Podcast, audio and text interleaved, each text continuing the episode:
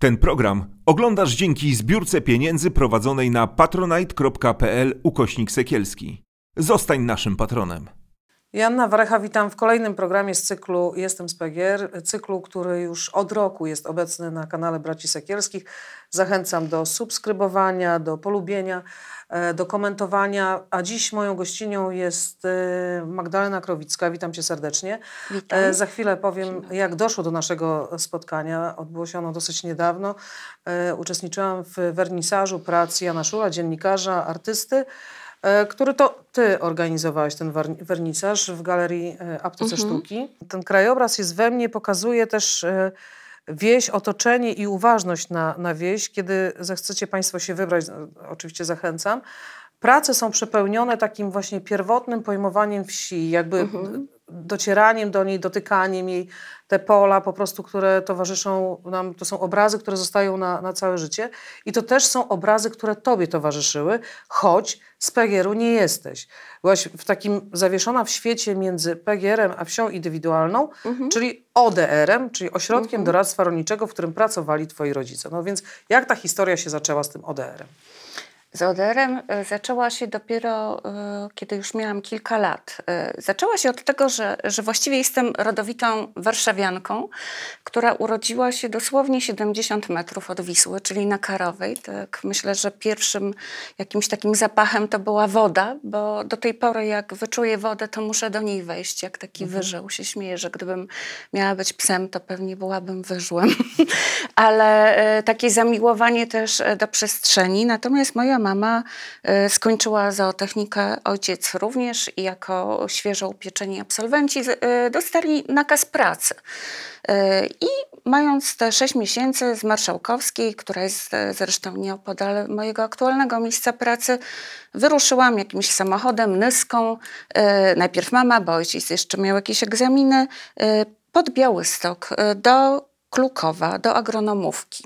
E, Był to taki pałacyk. e, Właściwie to znam e, z opowieści raczej ciotek e, i przerażonej babci, która kiedyś tam pojechała, e, że w łazience nie było ciepłej wody, e, że moja kąpiel jako niemowlęcia to było rozbijanie najpierw lodów wiatrze, jakieś takie dramatyczne historie. No ale no, dobra, zdradzę mój wiek. E, To był rok 60 zima 68, czyli później 69, 70 i tak dalej. Warunki były takie, jakie były, e, drastyczne, można powiedzieć. Ale e, pierwsze prace moich rodziców to, e, to były też takie proste stopnie. Agronom, później kierownik zakładu e, wylęgu drobiu w Klukowie. Później znowu jakiś powrót do Szepietowa i dopiero ODR się pojawił e, w województwie mazowieckim pod Płońskiem. Jest tam e, właśnie taki e, No tak, znany, znany. Właśnie znany rolniczy zakład doświadczalny, który to był właściwie pieszczochem, można powiedzieć. No tak, jak się jedzie w stronę, w tamtym- stronę Gdańska, to po prawej stronie Tak. właśnie jest, jest, jest to miejsce. Tak, był, był takim poglądowym zakładem, czyli, y, czyli można powiedzieć, że w porównaniu y, z rzeczywistością PGR-u to był zakład, do którego przyjeżdżał Gierek. Były nagrywane mm, filmy, krowy były myte y, z obu stron nawet, bo czasami może z jednej była taka anegdota, że jak przyjeżdża wizytacja, to krowy są myte od tej strony, od której są filmowane, tak? Ale to takie złośliwe, różne no, No takie miejsca przez pierwszego sekretarza oczywiście były ulubione, bo też e, mm, ja zawsze mówię, że mam taką perspektywę wsi poprzez ogromne areały. Właściwie Mhm. zawsze się zastanawiałam, co tam jest za tym lasem, czy tam jeszcze są ludzie, że po horyzont było pole, to pole się nie kończyło, czy kukurydzy, czy pszenicy, czy buraków i tak dalej. I ośrodki doradztwa rolniczego też były e, właśnie posadowione na dużych areałach. Tam był ten postęp biologiczny, hodowlany, roślinny i tak dalej. Kamieni Ameryka, kukurydza się tak, Tak. ciągnęła po horyzont. Te Później labirynty. rzepak. E, No i tutaj powracając do wystawy. Dorastając e, na wsi i patrząc na te lata 70. pod Białym Stokiem, tak, no, pff,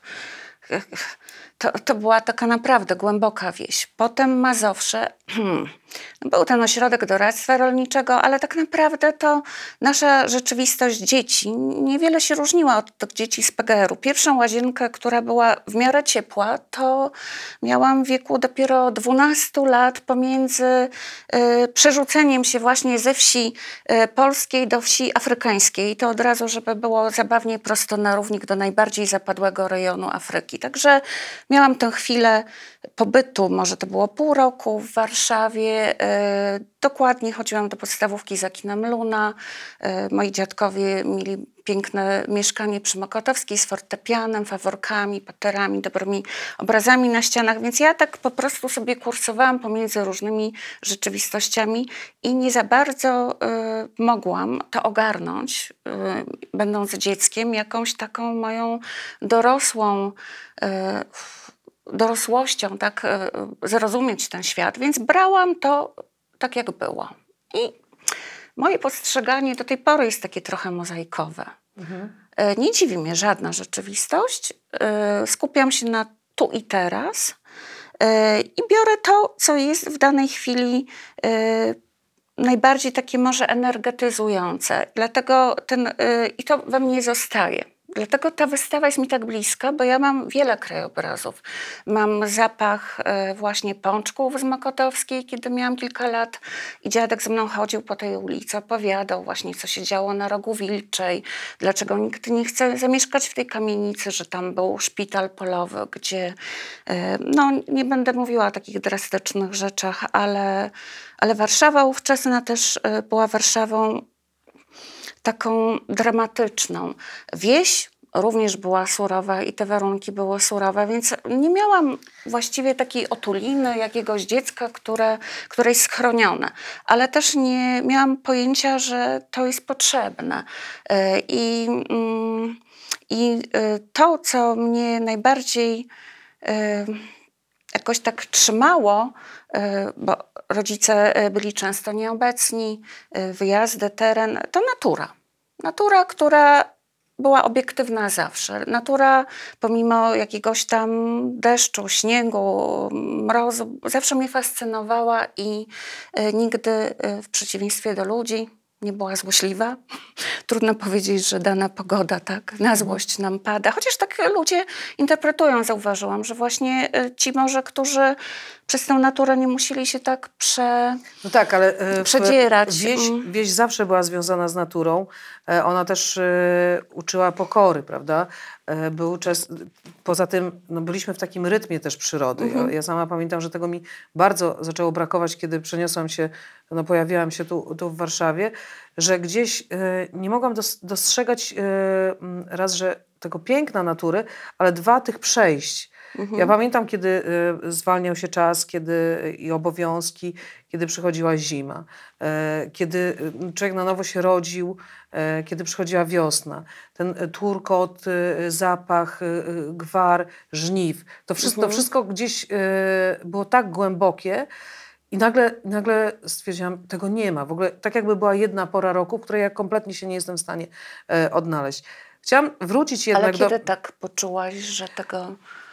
To jest, zaraz ci powiem, to, to, może to był rok, może to były dwa pierwsze, pierwsze lata, Aha. że brakowało mi tu, właśnie tego, te, tego rytmu, do którego byłam przyzwyczajona. I chciałam wrócić teraz do twojego dzieciństwa, mhm. do tego Oderu, do Płońska, no, od Warszawy 80 kilometrów, a więc y, i niedaleko, ale też i, i, i daleko. Jak wspominasz ten czas? Mówisz o tym, że rodzice w związku z tym, że pracowali, często gdzieś wyjeżdżali, więc ty byłaś blisko tej natury. Jak wspominasz ten czas dzieciństwa właśnie tam? Jakich ludzi spotkałaś? E, bo przecież ośrodek doradztwa rolniczego to nie tylko osoby, które e, miały nakaz pracy po ukończeniu studiów, mhm. ale to byli e, też ludzie, którzy wykonywali proste, aczkolwiek bardzo siermiężne i ciężkie, ciężkie zajęcia. Tak było. Wyglądało to trochę tak jak sobie przypominam, poprzednie twoje tutaj nagrania, między innymi z panem doktorem Leszkiem Melibrudą, który porównał PGR do folwarku na przykład, że takie feudalne panowały stosunki tam. Trochę w tym Moderze również tak było. Była taka alejka dla pracowników inteligencji tak zwanej.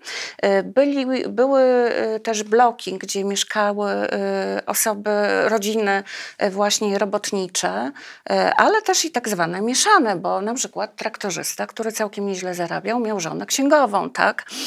Ja oczywiście mieszkałam w jakimś tam domku, bliźniaku z ogródkiem, który bardzo, aha, to był super ogródek, no i cały czas właściwie byłam takim mm, stworzeniem zewnętrznym, nie, niezależnie od tego, czy to zima, czy lato, raczej do tego domu trudno mi było zagonić, ale bardzo zazdrościłam tego bloku. Wydawało mi się, że to jest taki, jakieś takie miejskie, taki awans, ten blok. Oczywiście tam naćkanych tych mieszkań było tak. sporo, e, ale no, moja e, przyjaciółka wtedy e, z pierwszej klasy szkoły podstawowej, też z przedszkola, bo rok byłam tam w przedszkolu, no z taką wyższością na mnie patrzyła, że ja jestem z jakiegoś tam domku z ogródkiem, a tutaj tak ona mieszka. No, że było takie zabawne te historie.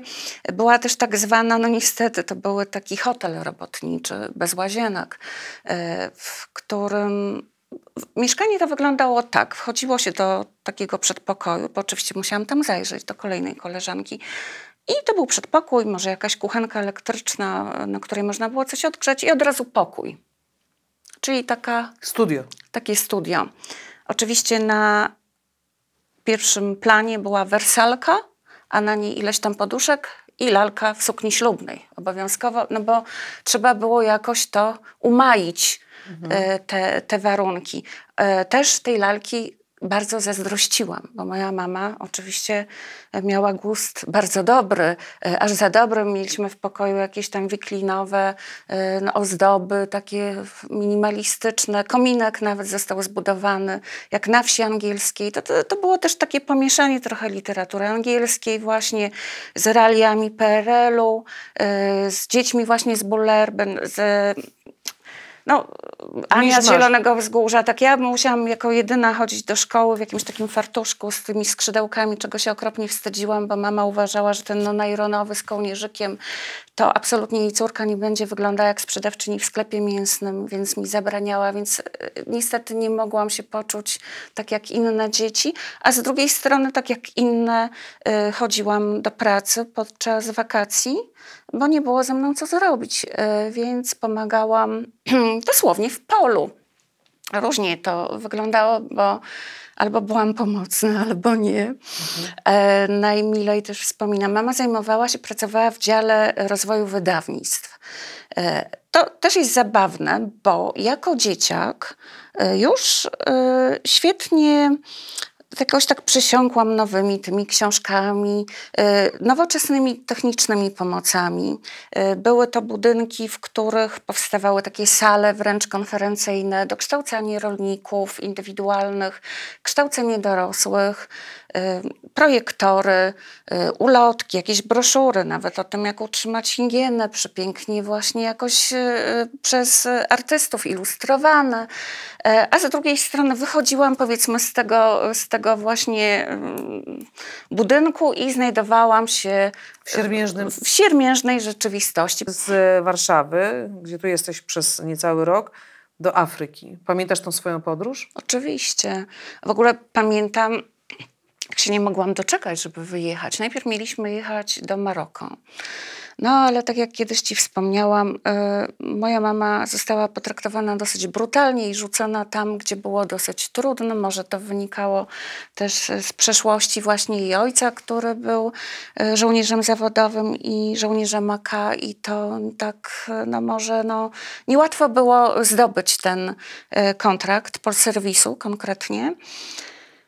No i Maroko stało się nagle Zairem ówczesnym a tak o tym dowiedzieliśmy się, ja wiem, może właśnie tak pół roku przed wyjazdem.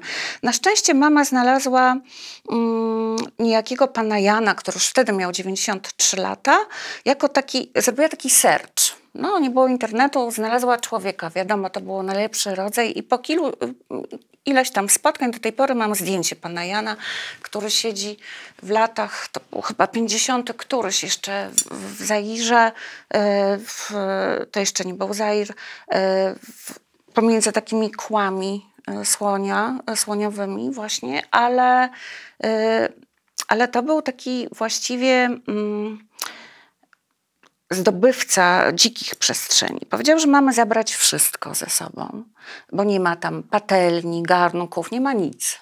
Y, Maczety są, tak? Żebyśmy się liczyli z tym, że po prostu będziemy musieli sobie zorganizować życie od podstaw.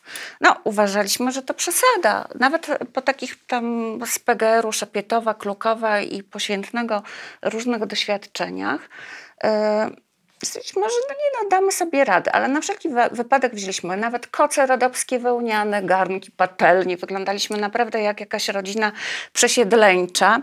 Był to okropny wstyd, pamiętam, dla mnie na e, lotnisku w Brukseli. Tam dostałam histerii po prostu, bo jeszcze miałam takie dżinsy uszyte y, przez mamę na maszynie i kiedy to zetknięcie z Zachodem, zresztą y, miałam wcześniej jakieś tam zetknięcia z Zachodem, bo moi rodzice się przyjaźnili y, też z naukowcami, którzy y, mieli pracę w różnych miejscach, w Austrii, w Stanach również. To byli pierwsi, zresztą bardzo cenieni naukowcy, matematycy, informatycy. Ale cóż, ale no, no nie jeździłam tak poza wakacjami gdzieś, więc znalazłam się nagle na lotnisku, na kupie tych bagaży. Jeszcze taka wa walizka w kratkę, która się trochę rozdziawiała, więc była takim jakimś paskiem, w tych dżinsach uszytych, w jakichś juniorkach zapewne, bo to na pewno nie były adidasy. I patrzyłam po prostu na tych ludzi pięknie ubranych, prawda, w jakichś fularach jedwabnych, narzędy, zresztą tam, tam było sporo właśnie sklepów, wystaw, biżuteria i no, po prostu rozszlochałam się tak, że trudno mi było mhm. uspokoić. I kiedy wsiadłam do tego e, samolotu, i lecieliśmy do Kinshasy. No to był lot y, mój pierwszy, ale za to bardzo długi.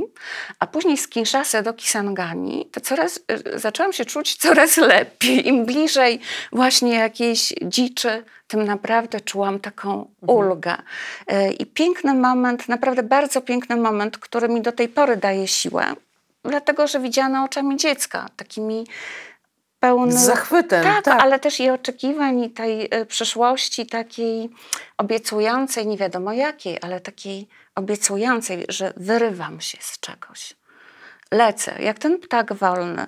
Y, samolot był jakiś koszmarny, rozklekotany, bo to już była ta linia Kinshasa-Kisangani, ale patrzę właśnie przez okno na dole jakieś takie dziwne, taka droga wielka, właśnie czerwona. No to nie była droga, droga czerwona, tylko to była rzeka Kongo. Zresztą mama miała bardzo bogatą bibliotekę, też jak jej starsza siostra, więc y, tam y, rozmowy właśnie o jądrze ciemności Konrada. W ogóle rodzina jak się spotykała, wszystko jedno gdzie, czy w Leśniczówce, czy u nas w że chociaż tam mm, nikt nie chciał przyjeżdżać do nas za bardzo, ale głównie na, przy Mokotowskiej to, to treścią rozmów to były książki. No to się tak wydaje może teraz dziwne, bo każdy sobie może przeczytać i po co ma opowiadać komuś no tam, tak, co no czytał. To był tak. towar deficytowy, zdobycie Ale, no właśnie, właśnie, ale y, wiadomo, że w telewizji były dwa programy na krzyż i to też od tej godziny do tamtej, y, więc y, te książki były naprawdę tematem rozmów i jeszcze się wszyscy kłócili, potrafili się tak pokłócić, że, że, że to była naprawdę poważna sprawa. Trzeba było później się przepraszać, mhm. odwiedzać specjalnie. Już nie mówiąc o tym, że książki sobie nawzajemnie wzajemnie podkradano. I to też było taki powód. No więc z tych opowieści też miałam pokładane różne rzeczy. Nie czytałam wtedy jeszcze e, tej literatury, tylko potem. Ale ta rzeka y, ogromne na mnie wywarła wrażenie i biegnące właśnie gdzieś nieopodal y, zwierzęta słonie, żyrafy. To już było wcześniej. No, że nie, trudno mi, to mi się tak nałożyło. Oczywiście nie mogły biec y, słonie i żyrafy w gąszczu, ale y, z samolotu tę sawannę też można y, było zobaczyć, zanim się trafiło do tego jądra ciemności faktycznie, czyli do takiej depresji, najbardziej depresyjny mhm. rejon właśnie w Zairze ówczesnym, czyli w obecnej Republice Demokratycznej Kongo, przy Kisangani, przy rzece Lindi, e, burz, taki zbity burz po prostu. E, Wilgoć ogromna, no i teren najbardziej malaryczny. Teraz e, e, tam właśnie był ten instytut Isea Bengamisa, nadal jest. Teraz jest fajnie, bo można oczywiście sobie korespondować. Od czasu do czasu sobie właśnie googluję, robię taki najazd Google Na Maps, miejsce. Tak. I tam szukam, czy to jest ten mój dom, czy nie dom. No akurat trudno mi powiedzieć, ale wydaje mi się, że to ten, który tak namierzyłam z lotu ptaka. Szkoda, że po wyjeździe z Afryki nie miałam takiej technologii, żeby podtrzymać ten, y, tą ciągłość, bo trafiłam zupełnie do innej rzeczywistości, też wyrwana tak z korzeniami, można powiedzieć. Ale tyle razy byłam wyrwana z tymi korzeniami, więc korzenie moje też są we mnie, tak jak i krajobraz Jana Szula. Czy ta surowość doświadczeń e, na pierwszych etapach, w tych Mhm. kilkunastu pierwszych latach życia powoduje, że jesteśmy silniejsze do tego, żeby radzić sobie z trudnościami e, e, życia? Bo o, o takiej siermierzności, surowości też mówię w, w kontekście tematu byłych, byłych państwowych gospodarstw rolnych. No nie wiem, nie wiem. To zależy, gdzie się znajdujemy. Na pewno to y, konsekwencją jest problem, to się kwalifikuje być może do terapii z autorytetami u mnie. Mhm. Y, autorytetem dla mnie jest y, autorytet moralny, ale nie narzucony przez jakiegoś tam tego czy innego Nie, ale ja mówię o tym, czy, czy właśnie ta, ta sur- surowość życia powoduje, że łatwiej nam potem jest e, w tym życiu się odnaleźć, e, nie poddawać się w nim. Myślę, że zdecydowanie tak, ale też jeżeli mówimy o wykluczeniu, patrząc, jeżeli powiedziałeś, że, bo, bo byłam wykluczona z pewnych tam rzeczy, ale, ale trudno to nazwać wykluczeniem nawet. Y, Patrząc na wykluczenie od wewnątrz, y, takie związane z siermierznością życia y, i fizyczną niedogodnością, ono jest na pewno mniej y, dramatyczne, niż Dotkliwe? wy, dotkliwe niż wykluczenie mm, społeczne i y, takie emocjonalne. Y, Przeżywanie biedy w Afryce, kiedy wszyscy mniej więcej mają tyle samo do jedzenia. No nie wszyscy, no bo tam niektóre takie obwieszone złotem mamy tam jechały w kabinie, a my na pacę z tyłu, bo trzeba było zapłacić, ale, ale no nie, jest, nie, nie ma tego osamotnienia. Najgorsze, y, co może spotkać, to jest wykluczenie takie, że sąsiad obok może iść do kina z dziećmi, a ta osoba wybiera między masłem a jajkiem dla dziecka, a dzieli ich raptem, nie wiem, 25 centymetrów Ściany. ściany. To jest okropne wykluczenie. Wstyd związany z tym, że nie możemy naszemu dziecku zapewnić tego czy owego, co zresztą e, też e, na własnej skórze wiele kobiet przeżywa nadal, ale o czym nie mówi. Bo to jest, wstyd. taka, no, no jest to wstyd, a z drugiej strony taki etos tego, że dążymy do poprawienia naszych warunków. Byłam też e, dziennikarzem, e, jako że kiedy zamknęłam e, ro, rozdział rekrutacji, postanowiłam wykorzystać właśnie to doświadczenie z wywiadów rekrutacyjnych do wywiadów właśnie i pisania artykułów w pismach branżowych. No i to były pisma, które, e, które miały mi zapłacić pieniądze, a nie jakieś tam, prawda, pisanie czegoś e, e, i, i gromadzenia kolejnych wynagrodzeń zaległych. Czego też już doświadczyłam. I jeżdżąc na różne konferencje, y, spotykałam się też y, z dyrektorami czy prezesami dużych firm i oni opowiadali, y, tłumaczyli mi tę transformację od strony te, tych, tych y, no, którzy rozdają, można powiedzieć, karty, budują. Między innymi o. Mm, o jeden z nich tłumaczył mi, że jeżeli budują pole golfowe na jakichś hałdach, powiedzmy tam gdzieś pod Bytomiem, e, rewitalizują te hałdy, e, to ludność właśnie może sobie zobaczyć, moim zdaniem, przez płot, no bo jak chyba, że tam ich zatrudni do ganiania pod, e, za tymi piłkami, że można być tak bogatym, że jeżeli ktoś podjeżdża super e, samochodem, Cadillaciem, to on sobie powie, taki dzieciak powiedzmy, e, przychodzący tam o, on ma taki samochód, ja też będę mógł mieć taki, bo zobaczyłem to, bo tego doświadczyłem, bo przeszedłem No koło tak, tego. tylko Jest że- to w zasięgu mojej ręki. I tak sobie tak jedząc, prawda, i popijając i jakieś koreczki opowiadając w jakichś takich salach konferencyjnych czy innych galach, lubiłam, lubiłam temu się przyglądać i lubiłam się temu przyglądać i wyciągać wnioski, żeby urealniać po prostu naszą rzeczywistość taką, jaką ona jest faktycznie, a nie jaka jest podawana, bo możemy. To, to jest znowu kwestia perspektywy. No On tak. myśli, że nam przychyla Nieba. nieba, a I jeszcze powie, że inny... ka- każdy jest kowalem własnego losu, z czym Tak, się ale, ale jest i tak, i tak, i tak. No, ale niestety, nie, y, co jest problemem, nie przenikają się te rzeczywistości. Jest taki gruby mur, że ja bym mogła temu człowiekowi nie wiem jak długo tłumaczyć, a on mi poda ileś tam książek, przykładów y, i pojedzie sobie, nie wiem... A może y, to jest też tak, że po prostu zapominamy niestety e, o tym, skąd jesteśmy, skąd wychodzimy. Ja dziękuję Ci za tą opowieść, e, która była wielowątkowa. Bardzo E, wielowątkowa, tak. któ- Która, e, ale myślę, że to jest kolejna perspektywa, e, którą prezentuję tu w tym, w tym studiu. Dziękuję Ci Magda za obecność.